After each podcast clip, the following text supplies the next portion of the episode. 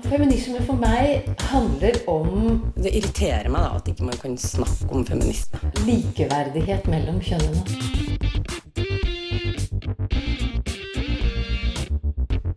Det blikket på kvinnen på film. handlet det om å bli tatt på alvor som jente.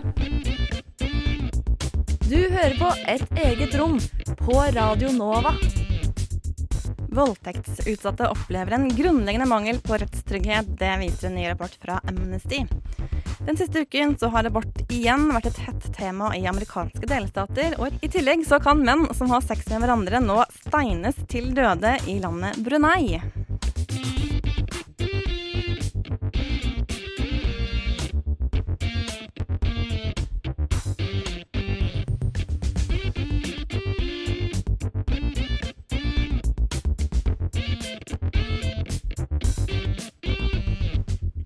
Hei og velkommen til denne utgaven av Et eget rom. Hei til deg som hører på i radioen din, og hei til deg som hører på i podkastspilleren din. Som du kanskje har lagt merke til, så under vignetten så er det ikke bare ett, men ganske mange temaer i denne sendingen. Et eget rom har nemlig valgt å gå litt utenom sin vanlige form denne uken. Rett og slett fordi at vi allerede merker litt sånn eksamenstid eh, i redaksjonen vår. Men eh, sending det må man ha selv med litt færre ressurser tilgjengelig.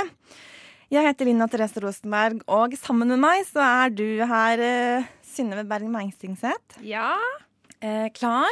ja, det vil jeg si. Har du likevel, eh, til tross for hektisk uke, klart å liksom roe litt ned i løpet av helgen? Ja, jeg er egentlig ganske flink til å ta helg. Jeg holder den sånn litt hellig, så, så føler jeg det. Du føler, ja, men Det er veldig bra. Ja. Det er jo en fin start på uken. Jeg føler at man har liksom, eh, brukt helgen godt. Lada opp, liksom fått sove ut og, og ikke åpna den boka. Ja, Ikke sant? Ja. Tanken bak denne sendingen, da, som, eh, som sagt skiller seg litt ut fra våre vanlige temabaserte sendinger, det er at vi istedenfor å liksom grave dypt ned i en ting, og som tar mye tid, så ser vi litt på flere aktuelle saker. Mange saker som har liksom dukket opp eh, i løpet av den siste uken. I hvert fall i vår bevissthet. Det er Ja. enkelte trekk ved noen saker som er litt eldre enn en det. Og eh, hvis vi kan hoppe litt ut av det med en gang, med en skikkelig gladsak, Ja. eh, hvis du er klar. Fordi Forum for kvinner og utviklingsspørsmål, eller FOKUS som det heter på kort, de jobber med å styrke kvinners rettigheter og er den eneste, tror jeg, norske organisasjonen som jobber med kvinners rettigheter og likestilling internasjonalt. Altså kun det. Det er kun kvinnearbeid de driver med, da. Ja, Ja. altså som den eneste norske organisasjonen. Eh, og på fredag 5. april så kunne de melde at den ervandiske presidenten har løslatt 367 kvinner og jenter som har sittet i fengsel for å ha foretatt ulovlig abort, Oi! bidratt til abort, eh, eller rett og slett blitt dømt for drap på foster, som egentlig er abort, Hvor sa du at det her var? i Ervanda. Ja. Eh, og de gjorde en lovendring i august 2018. Hvor de altså, jo, altså myket opp lovene litt, rett og slett. Og det her er kvinner som har eh, sittet i fengsel med de gamle lovene, altså lover Riktig. før eh, 2018. Det var sikkert ulovlig å spontanabortere òg, da. Og det var bare fullstendig abortene i landet. Ja. Slik som loven er nå, det er fremdeles veldig, veldig strengt. Men det er lov med abort dersom det, har vært voldtekt, incest, tvangsekteskap, eller hvor det er eh, stor helserisiko for mor eller foster. OK. Eh, er, men eh, fremdeles veldig strengt. Og fremdeles så er det slik at jenter og kvinner i Rwanda risikerer eh, rettsforfølgelse hvis de oppsøker helsehjelp ved spontanabort, som rett og slett er et skikkelig grovt brudd på menneskerettighetene. Ja, veldig. Jeg Um, tenker Man må jo applaudere all, all framgang. Men er det sånn at de da har blitt Altså alle kvinner som har blitt fengsla pga. det, har blitt løslatt? Nei, nei, nei, det er Nei. mange flere. Men eh, det er jo en start da, med disse 367 kvinnene som endelig nå kommer ut av fengsel for å ha tatt eller bidratt til eh, abort. Ja, Send et sterkt signal. Sterkt signal. Det er da eh, presidenten som i et regjeringsmøte da første uken i april valgte å benåde dem. Så et veldig viktig skritt i riktig retning. Så må man bare håpe på at det, nå går det bare oppover. Ja, Selv om det kanskje går veldig sakte oppover, da, så er måte det her det store, første skikkelig viktige skrittet. Ja, og Ja. vi skal kanskje se senere at det, det ikke bare går riktig vei heller på akkurat det området. Nei, der. det er mye rart når det gjelder abort. Eh, men siden vi nå snakker om abort, og vi skal fortsette å snakke om abort, så tenker jeg at vi musikalsk også må holde oss litt til temaet. Fordi på 70-tallet, som en del av kvinnebevegelsen, så var det en feministisk kvinnesaksvisegruppe. Jeg vet hvem du snakker om. Ja, ikke sant? Det er da gruppa Amtmannens døtre. og Deres plate kom da i 1975, hvor abortsaken var en sånn skikkelig brennhett sak i Norge. Eh, Så her får du deres abortsang litt dum og kanskje sært. Du som er sliten og sinna og lei. Nå vil vi synge ei vise til deg om at kvinner kan si fra, protestere og slåss. Bli med hos oss. Du hører på Et eget rom. Likestilling kommer ikke av seg selv. Vi må en tur til USA. Jeg må alltid en tur til USA. Når Når det det, er snakk om abort. da. Ja. Herlighet for en land. ja, det, der er det mye rart. Og det har ikke bare skjedd én ting eh, den siste uken. Det har skjedd to ting som jeg har plukket opp den siste uken. Og det er ganske voldsomt at det skjer to ting på kort tid. Som omhandler abort. Eh, og som er ganske drøye i mine øyne, da. Ja. I staten eh, Georgia så de er i ferd med å vedta en lov om abort som kalles hjertebankloven. En sak som har rullet og gått kjempelenge. Sånn generelt i USA. Nå har den kommet til Georgia. Eh, den skal gjøre det ulovlig med abort etter at man kan registrere hjerteslank hos fosteret, og det er som oftest i sjette svangerskapsuke. Der går Eh, grensa. Der går grensa. Den offisielle navnet på loven da, eh, det er på norsk 'Rettferdighet og likestilling for levende spedbarn'. Spedbarn. Ja. Jaha. Og det her ble vedtatt eh, i Representantenes hus. eh, 92 mot 78 stemmer, og også vært vedtatt i delstatssenatet. Og nå det som gjenstår, er at guvernøren Brian Kemp må stenge ned denne loven. Det må han gjøre før 12. mai. Okay. Og hvis han gjør det, så blir jo loven gjeldende fra og med 1. januar 2020. Mm. Med mindre noen klager til Høyesterett. Det kan jeg allerede si at det er det store planer om på demokratenes side. Sier ikke de at det er brudd på Grunnloven? Jo, det også. Men uh, um denne Brian Kemp, da, som er guvernør i Georgia, han er veldig positiv til det her. Og i en uttalelse eh, på da guvernørens nettside så har han sagt jeg applauderer den som støtter hjertebankloven, slik at de sårbare får beskyttelse og blir en stemme. Og ifølge USA Today så skal han under sin valgkampanje ha sagt at han ville støtte eventuelle antiabortlover, og at slike lover er common sense. Common sense. Men da ligger den sånn egentlig an til å gå gjennom, da. Ja. Eh, mest sannsynlig så går loven igjennom, og da mest sannsynlig kommer eh, demokrater og kvinnesaksaktivister til å anke loven til Høyesterett. Og da er det altså Høyesterett i USA som må liksom vurdere om denne loven er innenfor Grunnloven eller ikke. Mm. Eh, I dag, da, det som er eh, noe altså, som gjør det enda verre, det er at i dag så er grensen ved svangerskapsuke 20 I Georgia. i Georgia til å ta abort. Mm. Så du går fra 20 uker til 6.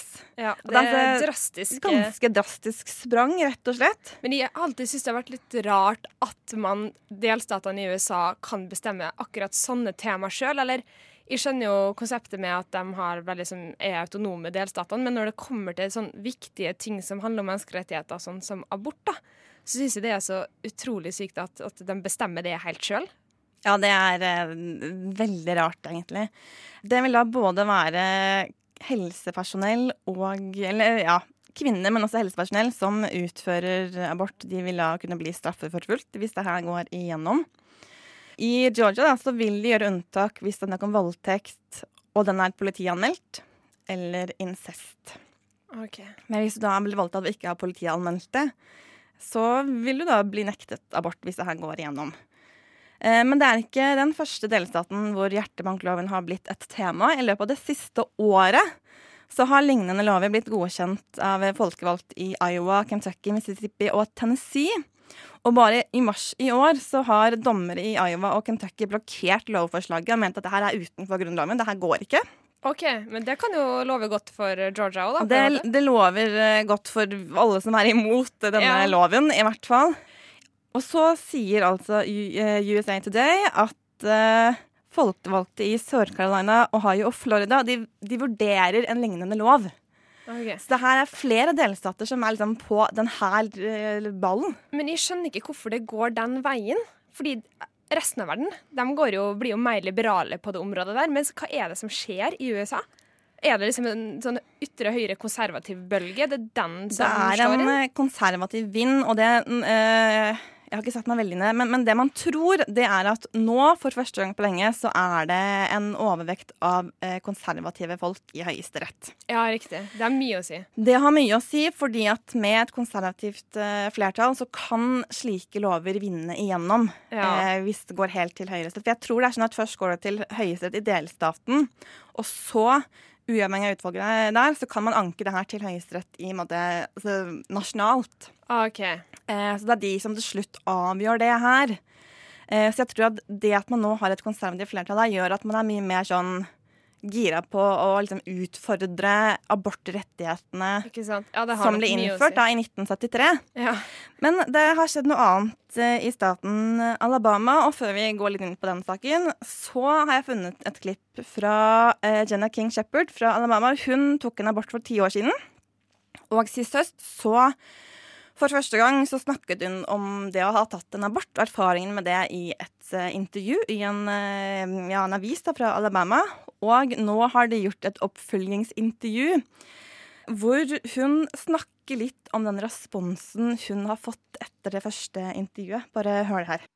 This is something that was messaged to me on Facebook. Keeping your legs closed before college was an option, protection was another. I have zero sympathy for any situation other than rape, and even then, I don't agree. Det er Klassisk slutshaming. klassisk uh, slutshaming, ja.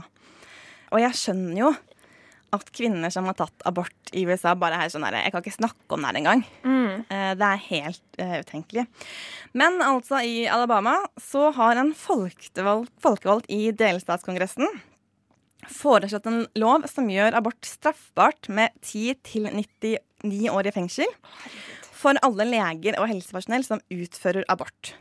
Forslaget kriminaliserer også abort når det har foregått incest eller voldtekt, eh, voldtekt eh, og skal kun være lovlig dersom det er en seriøs helserisiko for denne gravide. Åh, det, er, det går framover i Rwanda, men langt bakover i USA. Og altså, i dette forslaget da, så står det eh, mer enn 50 millioner babyer, ikke fostre, merk det, har blitt abortert i USA siden Roe-avgjørelsen i 1973. Det var da Høyesterett eh, med demokratisk flertall vedtok at abort var lov i henhold til Grunnloven. Eh, Det er mer enn tre ganger antallet som ble drept i tyske dødsleirer, kinesiske rensninger, Stalins gulag, Kambod kambodsjanske drapsfelt og det ervandiske folkemordet til sammen. Ja. Ja, Det er sammenligninger, da. Mm. Eh, og Stacey Fox, som er leder av Planet Parenthood, hun mener at det her er liksom en dødsdom for eh, kvinner. Og det, det man er redd for, er nettopp det som ble sagt eh, litt tidligere. Det er et konservativt flertall i, i Høyesterett. Eh, og man frykter virkelig det flertallet. Ja, men jeg tenker fordi For jeg tror at et par uker siden så var det på Debatten på NRK så ble det diskutert hva som på en måte er lov å mene. Sånn, hvordan meninger er det som liksom ikke er politisk korrekt å komme med, da. Og da var det ei i den debatten som var abortmotstander og var litt sånn lei seg for at det ikke var lov å si. Og så tenker jeg eh, det er vel kanskje ikke det som er problemet i verden, at det ikke er lov å være abortmotstander. Det skal liksom ikke se så langt ut før at det er folk med makt eh, har de holdningene. Virkelig. Virkelig. Og, det, og veldig mange mannlige politikere har veldig mange meninger om det her. Ja, ja. Vi må avrunde denne, eh, det her temaet, men jeg skal bare si kort på slutten at denne saken som er litt fremmet i Alabama, den støttes foreløpig av 60 av 105 folkevalgte i delstatens representanthus. Altså over halvparten støtter det her. Yes. Og så får vi bare se hvordan eh, det ender om eh, noen måneder. Rett og slett. Klokka er iallfall ti, og det betyr et eget rom. Du hører på Et eget rom? Ja, klokken er ett minutt over ti, og du hører på Et eget rom her på Radio Nova. God mandagsmorgen. Du hører på Radio Novas feministiske radioprogram. Eh, du hører på Radio Nova. Eh, et eget rom. Det gjør du med Linda og Synnøve. Og Synnøve, du har tatt for deg litt sånn abort eh, i Norge, du. Ja, for det har kommet fram eh, Eller NRK har laga en reportasje eh, som tar for seg abort i Norge, og som viser at veldig mange kvinner tar abort alene hjemme. Og det var egentlig veldig sjokkerende nyheter for meg, for jeg så for meg at alle tar jo abort på sykehuset. Det er jo en såpass sårbar situasjon, og ikke minst smertefull, at du trenger jo både psykisk og fysisk støtte, på en måte. Ja, litt sånn klapp på skulderen og litt sånn Vi er her med deg. Ja. Ja. ja. Nei da, men sånn er det ikke alltid. Skal vi bare høre da, hvordan Ja, det. det foregår? Yes. Hvis jeg prøver å se for meg hvordan en abort gjennomføres, så ser jeg for meg cirka det her.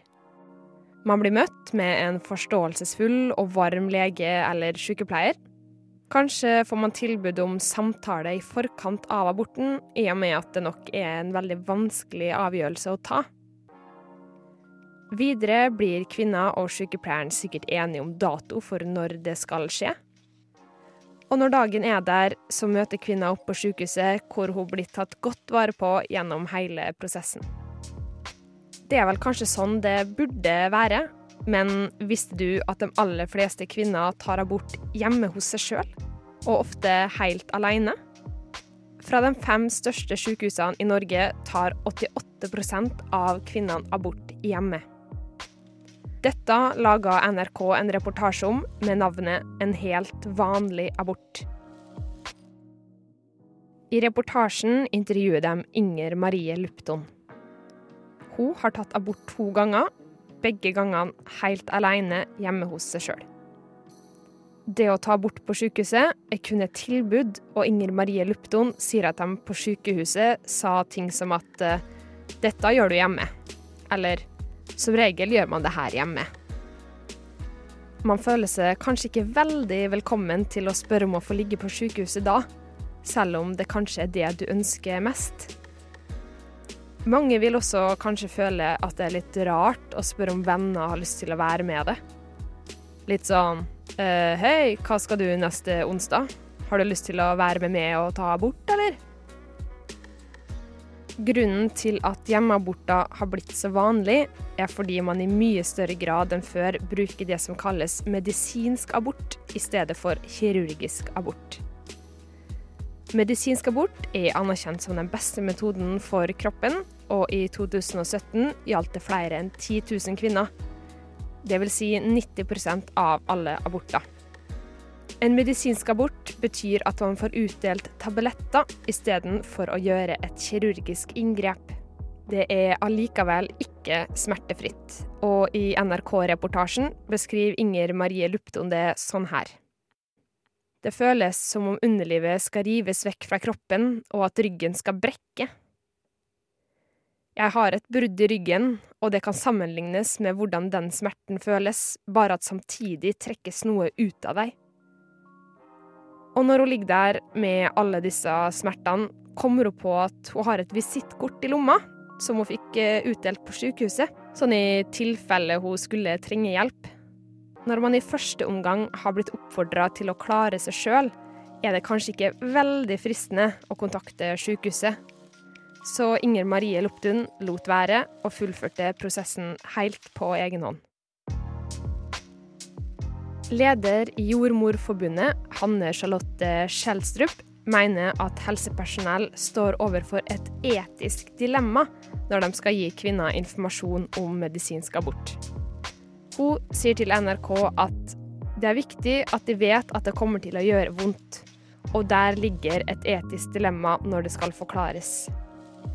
Derfor mener jeg at alle burde få et tilbud om en samtale i etterkant. Hun mener hovedproblemet ligger i at sykehusene har få ressurser, og at det derfor kuttes i tilbud og oftere legges opp til hjemmebehandling. Det må jeg si bekymrer meg ganske mye. Det er jo alltid farlig når penger styrer, og det gjør det jo som oftest. Men når det går utover helsetilbudet vårt, burde virkelig varsellampene lyse.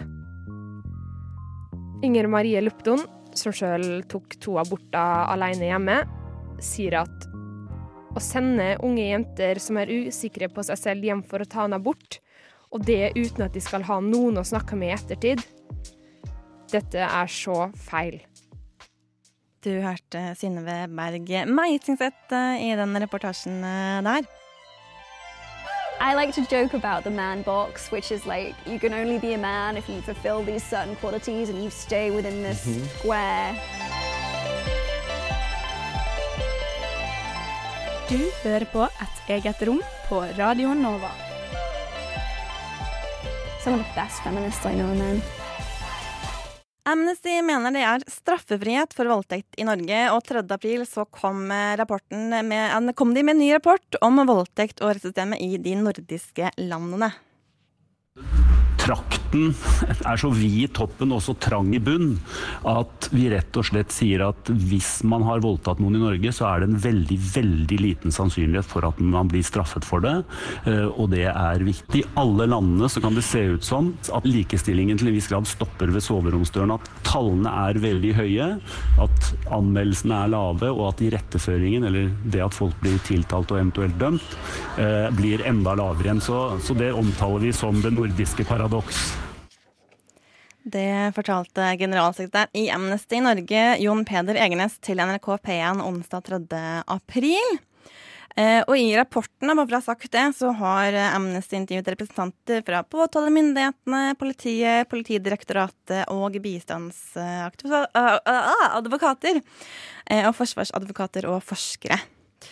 Eh, og jeg skal innrømme det bare først og fremst. Jeg har ikke lest denne rapporten grundig, Mm. men eh, vi vet jo at voldtekt og oppfølgingen og rettssystemet der er jo langt fra perfekt eh, i landet vårt. Ja, virkelig. Det er jo Eh. egentlig som Amnesty sier, at eh, utgjør, altså, begår du en voldtekt, så er det meget lite sannsynlighet for at du blir straffeforfulgt for det. Ja. Eh, VG de har eh, gjort noen kartlegginger, og ifølge VG da, så endte kun 10 av 173 voldtektssaker i Vest politidistrikt med tiltale mellom 2016 og 2018. Altså 10 av 173. Ja. Det, det er liksom så lite. Så ble det tatt, det ble tatt ut tiltale? Hvor det ble tatt ut tiltale, ja. Ja, Så det er jo veldig få som i det hele tatt når retten, da. Ja. Eh, Det, det er så mange henlegginger. Eh, og de har også sett eh, på Det tror jeg er nasjonale tall for 2015 til 2017. Og da har VG funnet ut at det hver dag er tre norske personer som får beskjed om at voldtektssaken de har anmeldt, er henlagt. Ja. Altså hver dag så er det minst tre stykker. Eh, og man blir bare sånn herre åh, ah, ah, Hva sier man til sånn her? Ja, og hva Ja. gjør man? Jeg forstår ikke hva man kan gjøre Ja. med det. Eh, og siste tall da, som de har funnet ut, det er at tiltale tas ut i 14% av sakene nasjonalt. Eh, og det, jeg tror det også er for årene 2015 til og med 2017. Ja, og dem som faktisk når retten, dem ender jo også da som oftest med fri, frifinnelse. Ja. Men jeg tenkte på, fordi jeg så en dokumentar om akkurat det her på NRK, jeg tror det var Brennpunkt, eh, om jeg heter Karina Kristiansen, som ble voldtatt av kom kompisen til en venn. Um, hun lå og sov, og mens han gjorde det, så tok han bilde av henne og filma henne. Det visste ikke hun, for hun lå jo og sov. Og på en eller annen måte så fant politiet disse bildene her og filma han av henne. Og kontakta henne og sa Veit du at disse her eksisterer? Nei, det gjorde hun ikke.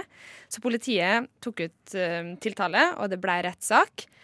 Og på tross av bildematerialet og filmmaterialet så ble, hun, uh, ble han frikjent. Og i, for, da, hva er det man må ha Hva er bevis da? En? Og da må jeg legge til, for det her ble jo, uh, hun ble trodd og fikk medhold i tingretten, så anka det, anka, ble anka til lagmannsretten. Der da har man jo den juryordninga som nå er fjerna, men da sa juryen De ga hun medhold, mens fagdommerne, juristene, ikke gjorde det. Og de sier i rettens begrunnelse heter det at retten ikke tviler på at Karina ikke hadde noe ønske om å ha sex med vennens kamerat. Men mangelen på samtykke er i seg selv ikke tilstrekkelig til å dømme for voldtekt etter norsk lov. Men hva er da nok, hvis du har videomateriale av ei som ligger og sover?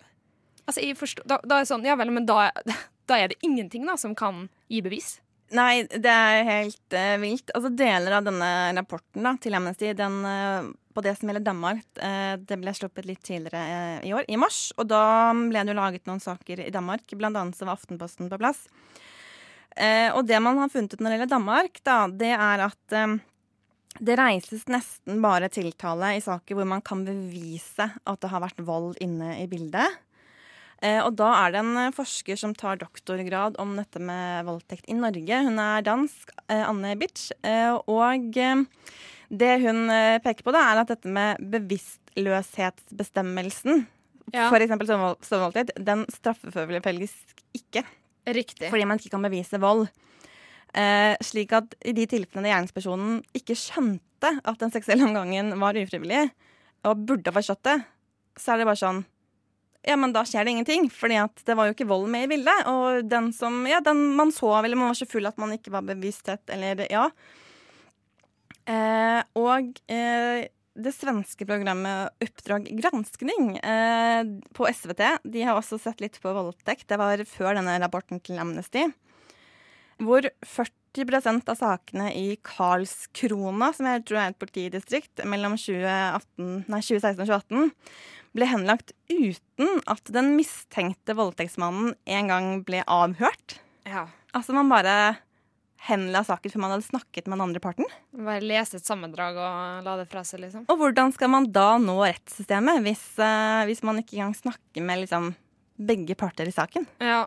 Men Amnesty har vel også tatt til orde for en såkalt samtykkelov. Ja. Jeg har ikke helt, for det første har jeg ikke helt forstått hva det innebærer, og så har jeg heller ikke forstått hvordan det kan endre praksis. Nei, og nettopp det er grunnen til at noen også er imot det. Og det hun, Anne Bitch, er litt redd for, da, hvis man innfører en sånn eh, samtykkelov, det er at man setter enda mer fokus på, på offeret. Fordi en samtykkelov innebærer at det er nok å si nei? Ja. ja. Og da skal man uh, kunne anmelde for voldtekt. Men da har man jo akkurat samme problem, og hvordan skal man kunne bevise at Hvordan skal man kunne bevise det, og da er man redd for det, eller noen at uh, man, Altså, alt bevismaterialet blir så veldig lagt på offeret, og så glemmer man kanskje at noen ganger så er man i tilfeller hvor man, hvor man fryser, da. Og ikke klarer å si eller gjøre noen ting. Og så kan man si men hun sa ikke nei, så derfor så er jo ikke det her voldtekt. Og så Ja. bare jo, du burde jo definitivt ha skjønt på hennes kroppsspråk at det her ikke var greit. Ja.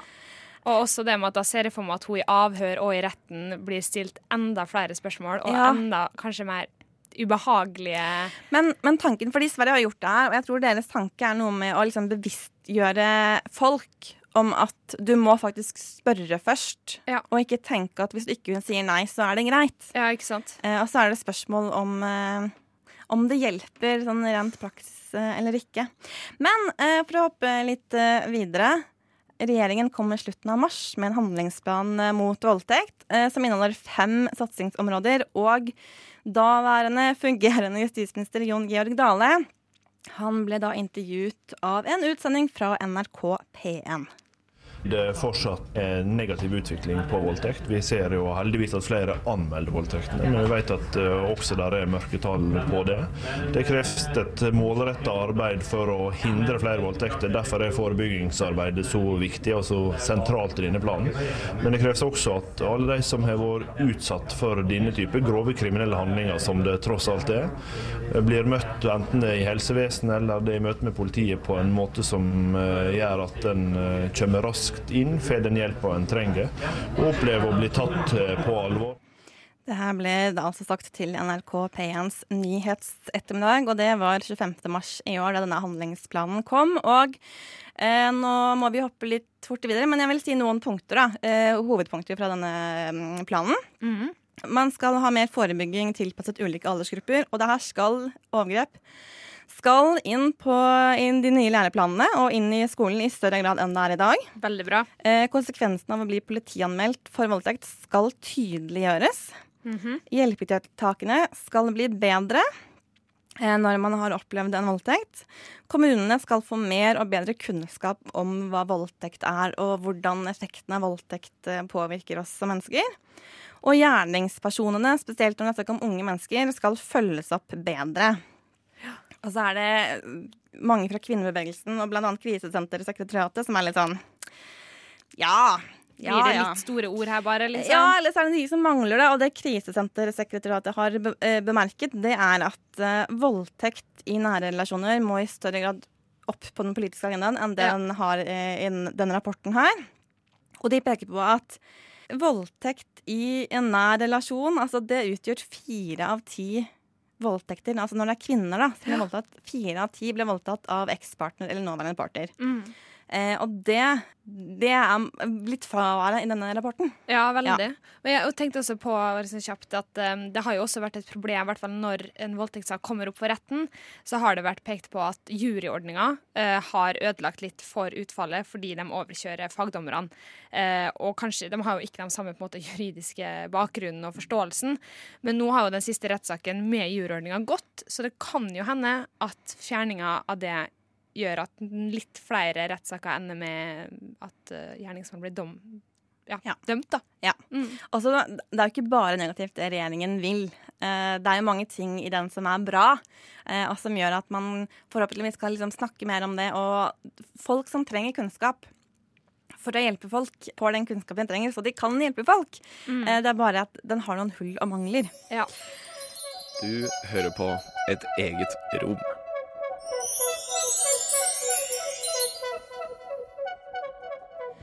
Og eh, fra voldtekt så skal vi over på noe helt annet. For en sak eh, dukket opp i nyhetssiden min på Facebook eh, like før helgen, der overskriften mer eller mindre sa Lærer fikk sparken pga. et toppløst bilde. Og det her har jeg rett og slett fått Ann Marie i vår redaksjon til å se litt nærmere på.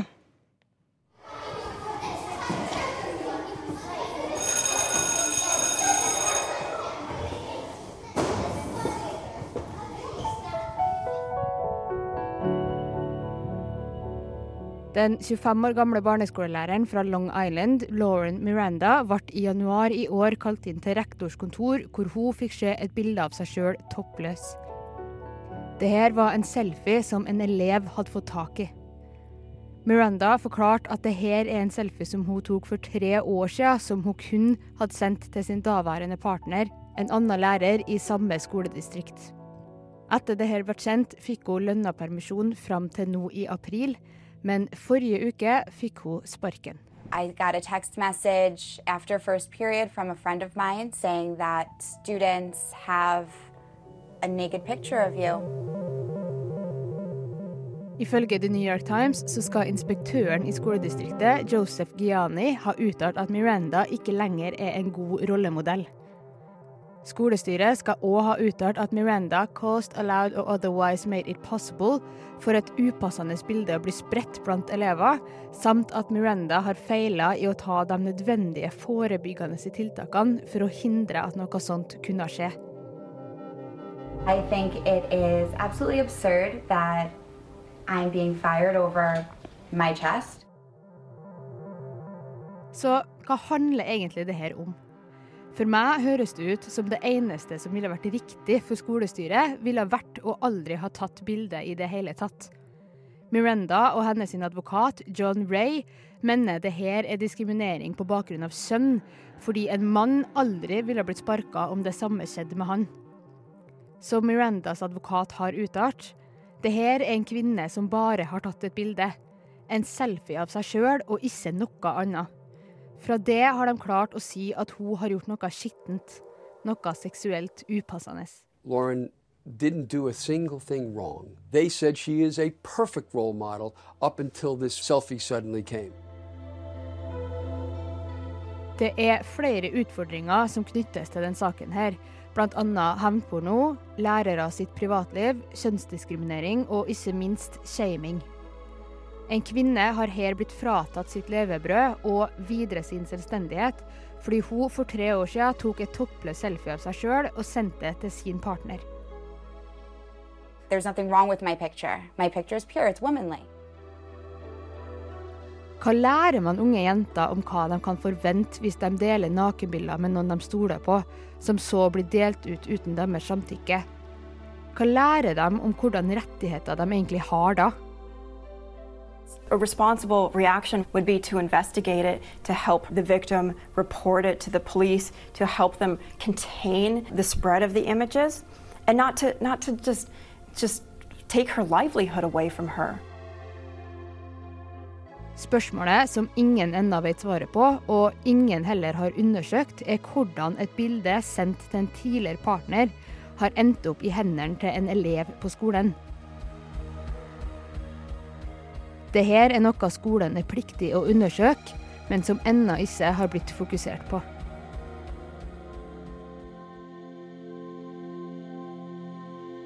Nå saksøker Miranda skolestyret for tre millioner dollar og ønsker å framheve hvordan det her faktisk er kjønnsdiskriminering. Men and women are equal. It's 2019. My chest is no more offensive than a man's chest. So why am I being penalized? Whereas if a man took the same picture, he wouldn't be in the same situation I'm in. Det var eh, Ann Marie Sunde som forklarte oss det her, og du hørte klipp fra NBC News og Inside Edition. Eh, og hva skal man si? Altså, jeg merker at jeg blir sånn ah, oppgitt. Ja, virkelig. Og det man For det her er jo mest sannsynlig da, så det er han som har sendt det videre. Eh, kan betegnes som hevnporno. Eh, kan det ikke det? Jo, jeg mener det. Ja, ja, jeg Ja. mener det.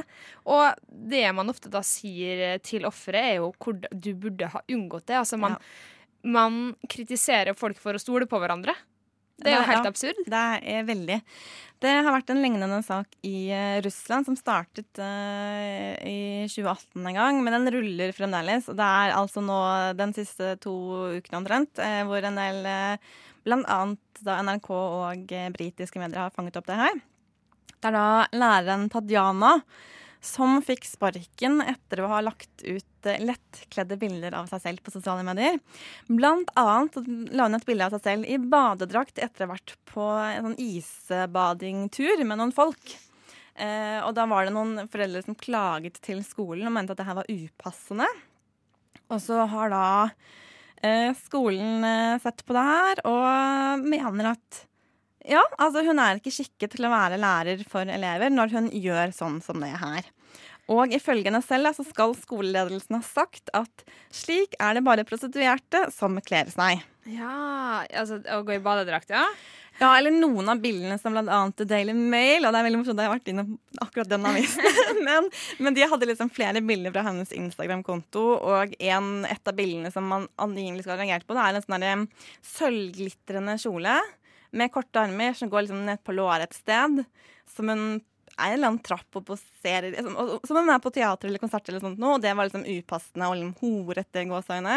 Det høres ut for meg som helt vanlige bilder å legge ut på Ja, ja. sosiale medier. Eh, og et annet også bilde hvor hun har sånn rosa glitrende paljettkjole med stropper som også er litt sånn kort, og så poserer hun ute, og det er snø. Det er litt sånn, man skjønner at det her er sånn posering, men altså, hennes kroppsspråk er bare sånn Hei, jeg er ute i snøen og, Og- har på meg en paljettkjole. Altså, det er ikke noe Og altså, alle har vel sett bilder av Putin som sitter oppå en hest i baris. Ikke, hvorfor ikke det, da? og hva ser ikke barn eh, på TV til vanlig, liksom? Ja, ja, ja. Eh, så det her har blitt en sånn ting hvor mange kvinnelige lærere i Russland i lang tid har eh, Altså, de har laget en hashtag som heter uh, 'Lærere er også mennesker', hvor de da poster bilder av seg selv, blant annet i bikini og badedrakt. Og så har de laget en video som er veldig morsom, hvor det er da en eh, gjeng med kvinner på en strand som går ut i vannet iført hverdagsklær. Ja. Sånn siden vi ikke kan bade i badetøy uten å bli liksom Seksualisert? Ja, eller Ja. få sparken, da. Ja. Eh, så får vi bade i liksom jeans og T-skjorte, da. Ja, Hvis det er veldig bra. Ja. Jeg føler jo på tross av et ganske dritt kvinnesyn i Russland, så kan jeg være litt flink til uh, motsvar. Ja. Du har De kan det. Ja. Ja, jeg, jeg, jeg, jeg, jeg støtter dem veldig i den saken. Uh, ja, her. virkelig. Hva faen, er det homo? Ja, homo. Jo, kanskje jeg er litt homo, da, men Du hører på Et eget rom på Radio Nova. Du har kanskje hatt med deg at landet Brunei har skapt litt internasjonalt oppstyr den siste uken, og det er ikke uten grunn. Landet innførte en rekke nye lover onsdag 3. april, og jeg har rett og slett forsøkt å få litt grep om hva det er som har skjedd, og hvorfor. Landet er i dag en rik oljenasjon og anses som et av de mest politisk stabile landene i Asia, men med svært begrensede demokratiske rettigheter. Det har gult flagg med én hvit og én sort stripe tvers over. Og riksvåpenet i rødt midt i. Landet ligger på øya Borneo i Sørøst-Asia, og av landets befolkning så er to av tre muslimer. Islam er også landets offisielle religion. Statsformen er et eneveldig monarki med en sultan som leder. Og sultanen utnevner selv 30 av parlamentets 45 representanter. I tillegg er sultanen også statsminister, finansminister og forsvarsminister, mens resten av regjeringen tildeles familiemedlemmer. Politisk opposisjon er forbudt, og i tillegg ligger landet på 153. plass på rangeringen over pressefrihet i verden. Dette er kortversjonen av landet Brunei.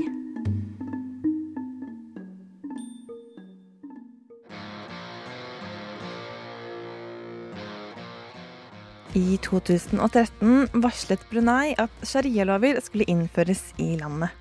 Siden da har landet innført lover som forbyr barn utenfor ekteskap, salg og konsum av alkohol og åpenlys feiring av jul.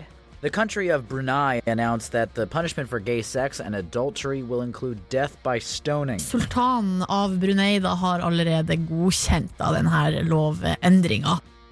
Denne uken har landet innført nye lover. Tyveri kan straffes med amputering av hender og føtter. Å kle seg som det motsatte kjønn straffes med fengsel.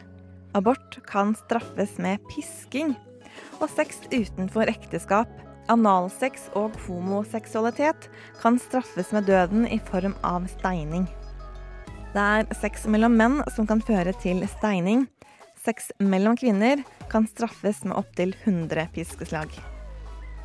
Ifølge The Guardian er de nye lovene bare rettet mot den muslimske delen av befolkningen, og det kreves minst fire vitner for at man kan dømmes til døden.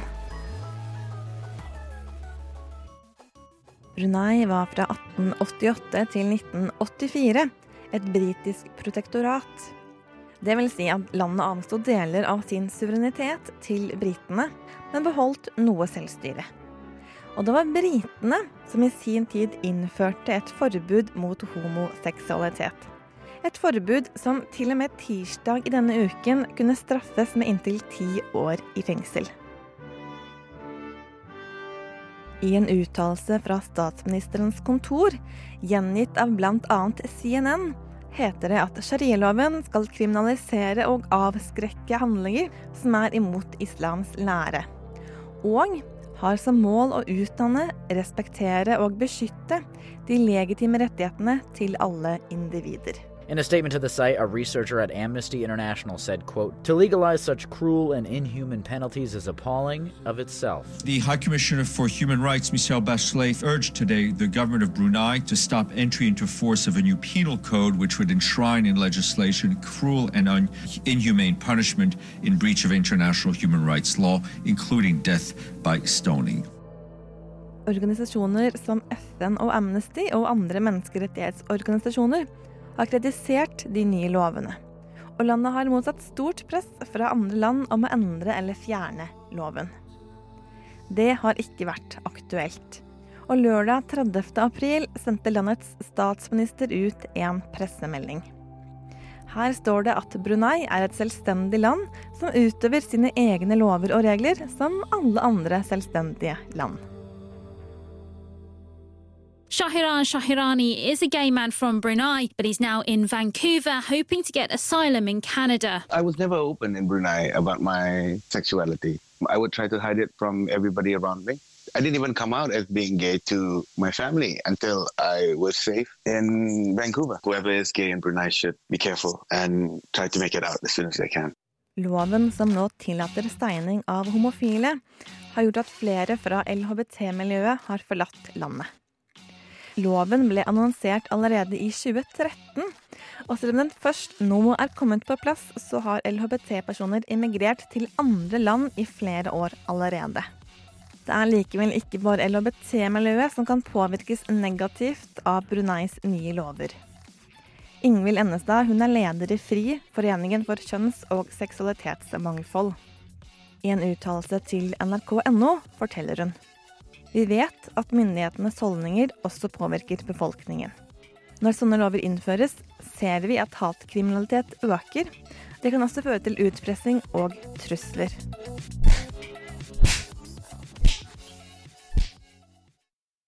Selv om utvinning av olje har gjort Brunei til det rikeste landet i regionen, så har landets økonomi krympet de seneste årene. Eksperter som finske Yle har snakket med, mener de nye lovene kan bidra til å gjøre sultaden mer populær hos de mest konservative muslimene i landet. Det kan i så fall føre til at den politiske stabiliteten vedholder i det lille landet. Til tross for en svakere økonomi og de følgene det har for befolkningen. Jeg vet ikke hva man skal si til det i 2019. Altså, dødsstraff med steining. Du hørte klipp fra NRK Nyhetsmorgen, P3 Morgen, BBC Asian Network og Time i løpet av denne reportasjen. Vi må rett og slett eh, avslutte her eh, fra Radio Nova denne mandagen. Lina Therese Rosenberg og Synnøve Berg Meisingseth har vært i studio, og vi har også fått bidrag fra Anne Marie Sunde. Neste mandag så er det påskeuke, men vi er her likevel og gir deg nytt innhold her i et eget rom, så ikke glem å høre på oss mandag neste uke klokken eh, ti. Eh, og med det så må vi egentlig bare avslutte. Men mm. det er en liten sak til som vi ikke rekker å snakke om. Så eh, hvis du hører på radioen din, eh, hør oss også på podkast, fordi eh, da får du med deg litt sånn ekstra bonusmateriale. Og mens vi gjør oss klar til bonusmateriale, så kan jo vi, eh, dere som hører på, høre på Infielder.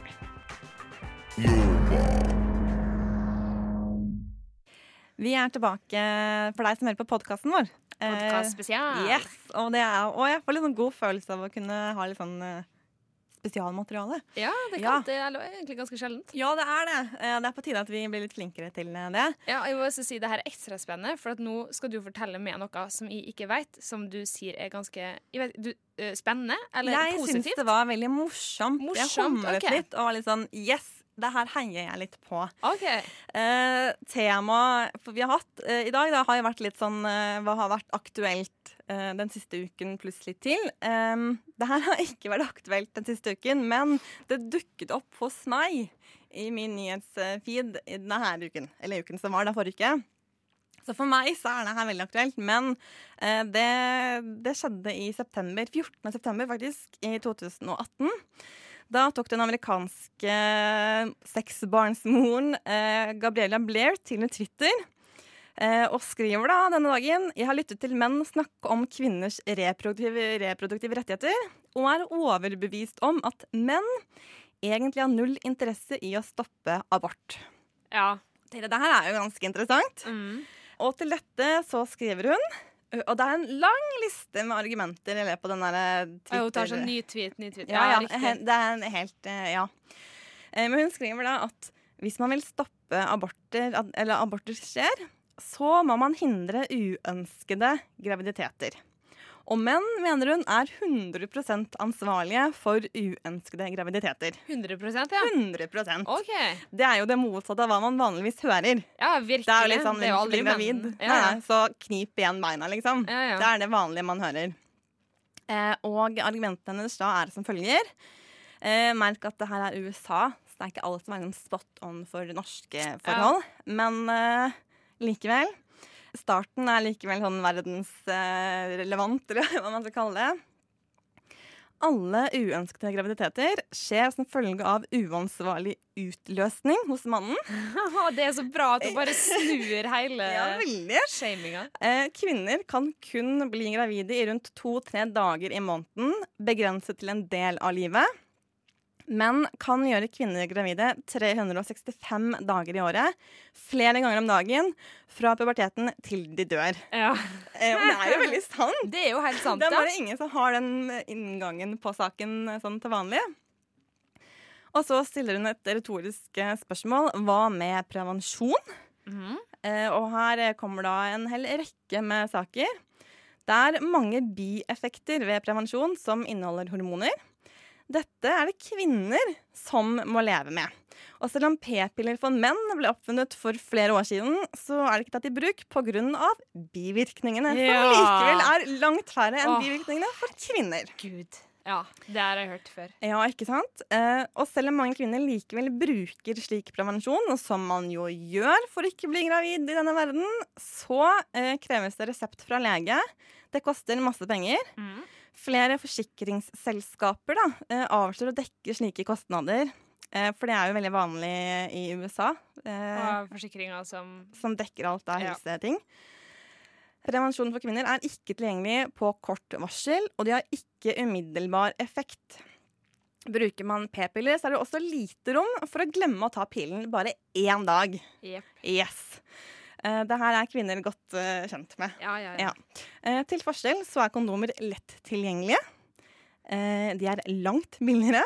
Det kreves ingen resept, og de har umiddelbar effekt. Og en bonus, de beskytter mot kjønnssykdommer. Og hvem er det som bruker kondom?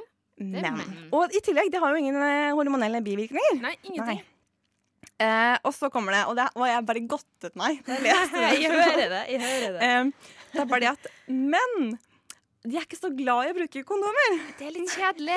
ja, Ja. Eh, fordi det gir menn litt bedre nytelse hvis de ikke bruker kondom. Ja. Eh, og det er selvfølgelig veldig viktig, eh, for den lille ekstra nytelsen den er viktigere enn å være sikker på at kvinnen man har sex med, ikke blir gravid. Ja. Rett og slett. Altså Menns nytelse er viktigere enn kvinners muligheter for fremtiden. fremtiden, Ja, sånn er det. Sånn er det. Eh, en annen metode, da, eh, velkjent i århundrer, eller kanskje årtusener, det er, som man sier på godt norsk, å hoppe av i svingen. Ja. Ikke 100% sikkert, men langt mer sikkert enn å ha utløsning inni kvinnen. Mm. Eh, det er bare det at menn er ikke så glad i den måten heller. Nei, for det igjen blir jo, det blir jo litt nedtur. Ja, det gjør det. Man vil jo ikke ha den nedturen sånn på slutten, liksom. Nei. Nei, så Derfor er det bedre å risikere at kvinnen eh, kan bli gravid. Ja. Åh, jeg, bare, Jeg har lyst til å finne alle disse tweets her. Kan, kan du si navnet hennes en gang til? Uh, Gabriella Blair. Gabriella Blair, ok. Ja, noterer det her, og så Ja. finner den ved å google henne. Så menn har jo en del valg her som de da bare velger bort, eller kanskje bare ikke tenker noe særlig på, for det er jo ikke det menn tenker på, kanskje. Men jeg tror ikke menn forholder seg, eller veldig få forholder seg til det faktum at dem kan gjøre kvinner Ja. gravid. Og det er jo en del av poengene hennes, fordi at hun påpeker at samfunnet lærer menn at menns nytelse er ekstremt viktig. Mm. Det er i fokus. Samtidig som man i liten grad lærer menn å assosiere sex med det å bli gravid.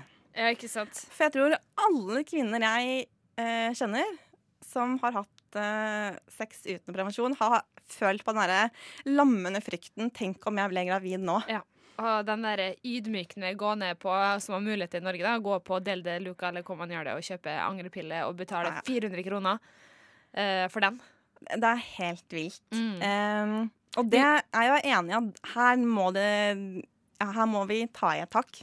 Vi lurer på hva som har skjedd med liksom, dynamikken og liksom sexforholdet hvis det var menn som nå plutselig måtte begynne å ta ansvar pre Mm. på prevensjon, gå på p-piller og sånn. Og kvinner kunne bare slappe helt av, fordi mannen eh, går på p-piller, så det er null stress. Jeg lurer på om et eller annet hadde forandra seg i den dynamikken. da. For at nå tror jeg så mange Jeg tror det er en del av det å ha sex og kvinner er mye bekymring. Veldig. Og det handler jo om at menn har en eller annen gang i historien blitt fratatt alt ansvar Ja. når det gjelder reproduksjon. Ja, virkelig. Eh, og, og det er veldig sånn Sånn har det jo vært i historien at hvis du er kvinne og blir gravid utenfor ekteskap, for eksempel, da, som var en megasynd for bare noen tiår siden, så sier man jo at det er jo kvinnen som på en måte har hva skal si, horet seg ut. Men det kreves jo to. Ja, ikke sant? Det kreves to. Og jeg, jeg sa tidligere at jeg akkurat begynt å se på Game of Thrones. Jeg er på sesong eh, to nå. Og der òg ser man det hele tida. Nå er jo det her en fiktiv serie, selvfølgelig, men man ser det veldig mye. At menn ligger rundt, og selvfølgelig så gjør de da ganske mange kvinner gravid når de ligger rundt eh, hele tida. Hvem er som blir straffa? Kvinner og da barnet, liksom. Ja, ja. Og sånn, sånn er, at Dette her er fiksjon, men, men det er jo egentlig bare et speiling av Ja, det det. samfunnet som det har vært jeg vet ikke hvor lang tid. Og som de fremdeles i mange land Det er jo re realiteten. Ja, ja. Selv om eh, vi har måtte, kommet oss videre her i Norge. Jeg føler det her også gjelder liksom moderne menn i Norge òg. Ikke deres tankegang heller. Nei. Ligger det? På, eh, jeg tror det var 1977 eller 78, så kom en roman av Gerd Brandberg som heter 'Galias døtre'. Og det er lett å si at hun skildrer et matriarkat. Det er mye mer enn det. Hun tar virkelig alt og snur det opp på hodet. Sånn Ja. at maskuline trekk det er typisk kvinneting, og feminine trekk er typisk manneting. Kvinner går i dress og har kort hår eh, og er liksom maskuline. Og menn har langt hår, går med skjørt eh, og er skrevlete og fnisete. Mm. Og der er det menn som må gå på p-piller. Og bare for å vise hvor absurd det her ville vært på 70-tallet, så er det slik at menn må gå jevnlig til legesjekk for å på en måte bevise at de har tatt p-pillen sin. Ja, ikke sant? Eh, fordi at eh, Hvis ikke så blir en kvinne gravid, og det er jo helt hårreisende. Fordi selv i det her samfunnet da, så er det jo kvinnen som eh, føder barn. Ikke sant? Ja. Det med Ja, herregud. Eh, og det, det sier ganske mye, da. Det er veldig morsomt å lese den romanen, og så tenker man plutselig at å, herregud, det er jo faktisk eh, Fremdeles i dag så har det noe sånn eh, sannhet i seg. da, At det er helt uvirkelig å tenke at menn skal ha det ansvaret. Mm. Ja, det er veldig provoserende, eh, i grunnen. For å komme litt tilbake da, til eh, Gabriella Blair og hennes eh, tirade. En mann kan gjøre en kvinne gravid eh, en mann kan ikke gjøre en kvinne gravid med mindre han har en utløsning. Så det å gjøre en kvinne gravid kan være ganske tilfredsstillende for en mann. Eh, mens kvinner de kan bli gravide uten at det er særlig tilfredsstillende. Det kan gjøre vondt, det kan være smertefullt, de kan få et traume hvis det f.eks. er et overgrep. De kan fremdeles bli gravide. Og kvinner Bare liten digresjon. Jeg bare føler at naturen ikke spiller helt på lag med Ja, meg nå. Når det kommer helt til det, der, eh, det med sex. Det er utrolig urettferdig. Ja, det er det. Vi har naturen imot oss. Virkelig. Eh, og så nevner hun da kvinner kan ha orgasme og likevel ikke bli gravid. Altså Uansett hvor mange orgasmer en kvinne har i løpet av et år, så er det ikke hennes orgasmer som gjør at hun blir gravid. Det er kun mannens orgasme her som gjør det her. Eh, og kvinner som har sex, er altså, har vi konkludert med, ikke årsaken til uønsket eh, graviditet. Det er menn som har uansvarlige utløsninger, som bærer det store ansvaret her. Ja, det er en deilig ansvarliggjøring. Ja. Virkelig. Hun setter jo litt på spissen, men Ja. det er akkurat det som trengs, fordi at jeg syns jeg kjøper argumenter, jeg, altså. Ja, men jeg òg. Ja, Jeg er veldig glad i det. Ja. Herregud, jeg skal, Um, ja, jeg skal Jeg, ut den der. ja, så jeg så det her i en slags artikkel eh, som da har liksom tatt skjermdumper av det hele denne tiraden. Det er litt mer som jeg har liksom valgt å luke ut, for hun har litt sånn interaksjoner med noen folk. Eh, og det er noen menn som er bare sånn herre Unnskyld meg her, liksom. Hva er det du snakker om? Og andre menn som er sånn Hm, det har jeg ikke tenkt på før. så det var liksom begge reaksjoner, som også er litt gøy. Ja, for jeg kan se for, det at for, jeg ser for meg at for menn så nesten åpner det seg en helt ny verden når de ser det perspektivet. er sånn Å ja! Ja, for det er jo jeg som gjør henne gravid, ja. Sånn var det. Ja. Så det var saken, da. Ja, men jeg likte det veldig Ja, godt. Linda. Det var, også var det fint å avslutte med litt sånn uh, god stemning uh, når vi Ja. har vært inne på litt dystre tema. Ja, og det har vi virkelig i denne uken. Ja. Ja. Skal vi bare si takk for oss, da? Ja, takk for oss, da. Takk for oss.